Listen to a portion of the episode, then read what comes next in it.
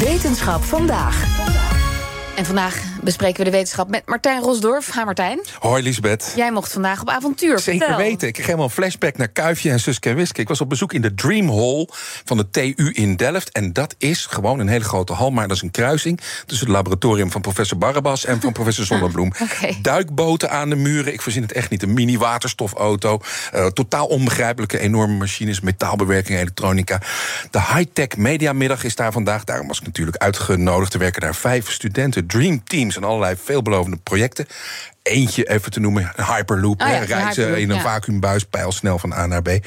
Mijn oog viel meteen op Project March. Dat is een exoskelet voor mensen met een dwarslesie. Ik zag een grote tafel met allemaal high-tech aluminium elektromotortjes, heel klein, tandwielen, computers.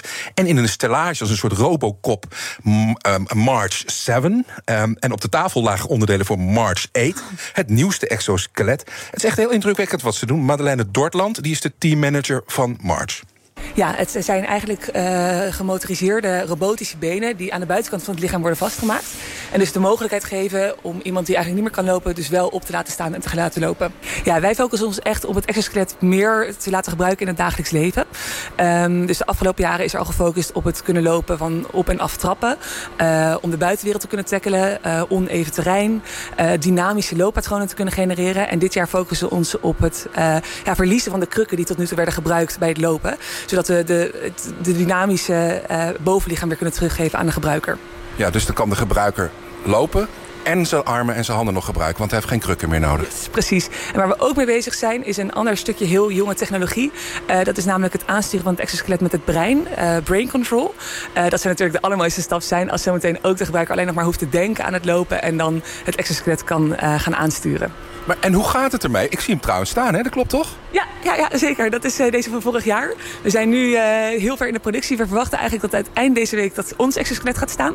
Eh, en dat we dan de eerste testen ermee kunnen gaan doen. De piloot is trouwens onze, eh, de gebruiker die het exoskelet gebruikt.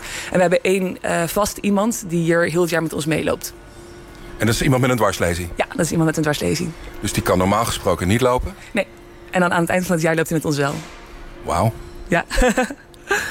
Kost dat? Dat mag ik helaas niet zeggen. Maar de exoskeletten nu op de markt eh, zitten tussen de 80 en 200.000 euro. Ja, dat is eh, best prijzig. Maar eh, ja, in zo'n laboratoriumsetting, of in de Dream Hall in Delft, zo'n exoskelet met één proefpersoon. Wanneer zien we dit terug als gebruiksvoorwerp in de maatschappij? Ja, ik vroeg dat ook aan, aan de teamleider, de teammanager Madeleine Dortland. Nou, het wordt al gebruikt in verschillende revalidatiecentra.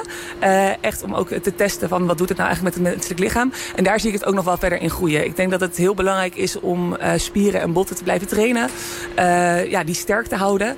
En daarmee gewoon een revalidatieproces voor mensen makkelijker te kunnen maken. Ja, wat Madeleine me ook vertelt is over de reactie van proefpersonen. Die zijn heel erg enthousiast over met name het mentale gedeelte. Het feit dat ze weer in de ogen kunnen Ja. kijken van hun gesprekspartner. Oh, dat me best dat, is- ja. dus dat is een van de belangrijkste voor- voordelen van zo'n technisch eh, hoogstandje. Maar goed, ik was nog lang niet klaar in die hol. Ik wil daar wel wonen, dus ik liep wat verder. En dan kwam ik een, eigenlijk bij een beetje een vreemde eend tussen al die machines en duikboten. En het was een kantoorruimte. Geen machines, geen draaibanken, maar gewoon een hoop mensen achter de computer. Dat was de thuisbasis van Team Epoch. En Laura van der Hart, de teammanager, die staat met te woord. Zij vertelt me dat Team Epoch zich bezighoudt met AI, kunstmatige intelligentie. Met het doel om de wereld te maken. En dat doen ze door mee te doen aan wedstrijden. Wij doen mee aan internationale AI-competities die bijdragen aan een meer sustainable, dus een duurzamere wereld. Eh, hoe we dat precies doen is door gewoon competities uit te kiezen die eh, bijdragen aan één of meer van de Sustainable Development Goals van de Verenigde Naties. Van beter live on land tot met betere educatie, eh, betere gezondheidszorg. Eigenlijk van alles, eh, maar wel allemaal met het doel Sustainable World. Om, om de wereld een beetje beter te maken. Met behulp van die ontzettend veel besproken artificial intelligence. Kan je een concreet voorbeeld geven? Zeker. Eh, bijvoorbeeld de laatste competitie die we net hebben afgerond... ging over het voorspellen van biomassa. Dus wij hebben met een AI-model... hebben we door middel van satellietdata kunnen voorspellen... hoeveel biomassa er op de grond ligt. En klopte het? Zeker, absoluut. Ja, Nou, was je wel blij zeker? ja zeker. waar. Zeker. Ja, de host van de competitie die checkt dat dus. En zo maken ze een ranglijst. Dus degene die het dichtst in de, bij komt, eh, dichtst in de buurt komt... dat is dan uiteindelijk de winnaar van de competitie. En hebben jullie al gewonnen?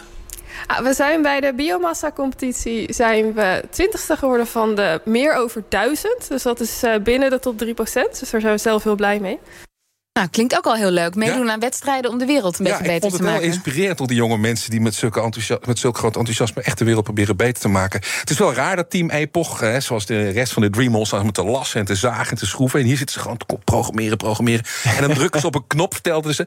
En dan wachten ze een paar dagen en moeten ze wachten... tot die computer klaar is uh, met rekenen. Nee joh, als je dan Ja. een fout hebt gemaakt... dan dat Ja, gewoon weer hetzelfde nee, proces opnieuw. dagen Ja. verder. Wat, wat, wat eh, de teammanager Laura van der Hart nog heel graag kwijt wilde... eh, AI staat natuurlijk heel erg in de Eh, soms best negatief. En daar wilde ze eigenlijk nog wel even dit over zeggen. Wat je nu ziet is, nou ja, zelfrijdende car is gecrashed. Of, of ChatGPT zorgt ervoor dat leerlingen niks kunnen. En wij proberen eigenlijk te laten zien dat AI ook hele goede dingen kan doen. En natuurlijk moet je het goed programmeren. En moet je, moet je het niet eh, voor verkeerde dingen gebruiken.